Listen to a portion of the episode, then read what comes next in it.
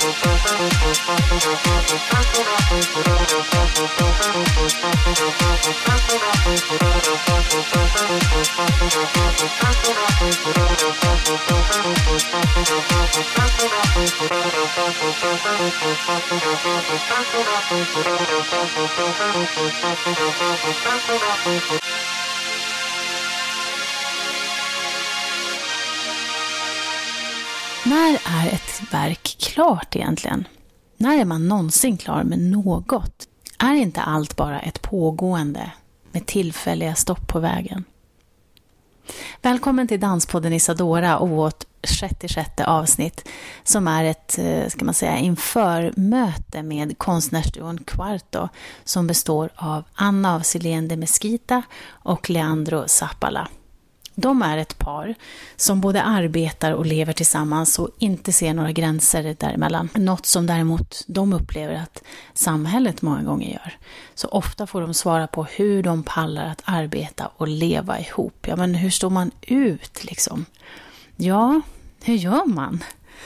Om man ser på vårt samhälle som är så individualistiskt, och nu tänker jag väl på det samhälle som jag själv lever i, Eh, så är vi ju många som lever i det och beter oss på det sättet.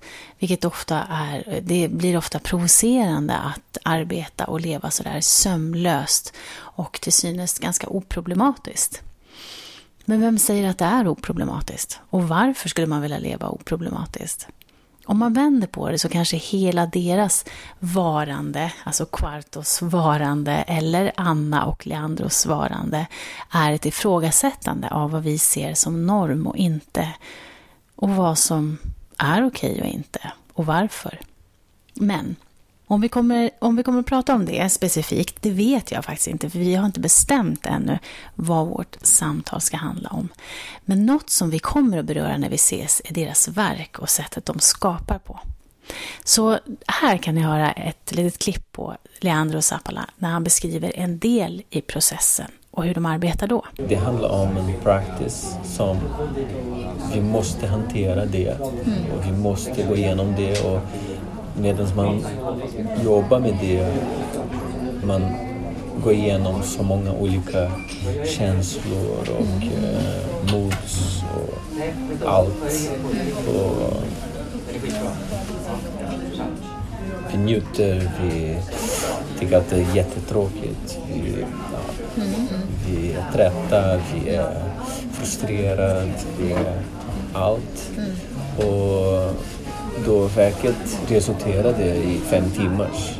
För att, okej, okay, det enda sättet att förmedla det eller dela det vi har gått igenom är genom ja, duration. Mm. mm. Deras eh, arbetssätt tycker jag påminner till viss del om den danska koreografen Mette Ingvartsen som också ja, men, i viss mån undersöker hur vi förhåller oss till objekten. Alltså det är bara en del av det hon undersöker, men hur vi förhåller oss till objekten som vi omger oss med. Alltså lampa, bord, stol, golv, täcke, kläder, och styvel. Bland annat i hennes verk 69 position som jag såg för några år sedan så guidade hon oss runt medan hon var naken men det var ett tillstånd där hon använde både oss, alltså publiken, och föremål, alltså säg en lampa, ett bord, i det här verket. Och eh, det var ett förhållningssätt som eh, jag fortfarande tänker på ibland. Jag såg också ett annat verk som hon satte upp på Dansens hus, där det var, då var dansare och inte, det involverade inte publiken alls lika mycket. Men de, eh, det var också mycket naket och de eh, förhöll sig också till olika saker på scenen, bland annat växter. Det är ju en sak, det är hennes, hennes utforskande. Men det här som Quarto gör påminner mig om, om det i alla fall. Eh, för att eh, Anna af Sillén kommer att berätta här nu lite kort om det senaste verket, eller man kan säga mm, nedslaget av var de befinner sig nu i den här arbetsprocessen. För att blir verket någonsin klart? Det kan man ju fråga sig. Men här berättar hon om eh, specialbeställningen som gjordes för att skapa det här verket. Lyssna här. Men vi har jobbat med ett kilometer långt rep Ja. i åtta år. Ja. Det, det, det började med, alltså vi har ju alltid jobbat med eh, objekt och en slags ehm, hur en vardaglig objekt när det förlorar sin funktion, när den blir liksom, på något sätt upplåst eller väldigt, sätts i en situation där den inte har en- den funktionen den bär. Till exempel ett rep som är tusen meter långt blir ju väldigt ohanterbart. Det, man skapar ju inte sådana långa rep. Nej. Men Nej. det blir Nej. ohanterbar. Det var ju ett eh, objekt som var skapat specifikt för det här arbetet. Ja, just det. Okej. av Pille Repmaken på Skeppsholmen. Så verken har liksom fötts och skapats väldigt bundna till Skeppsholmen. Både repet har skapats där och vi har haft premiär på, med de olika verken eh, på MDT och på Moderna Museet. Ja.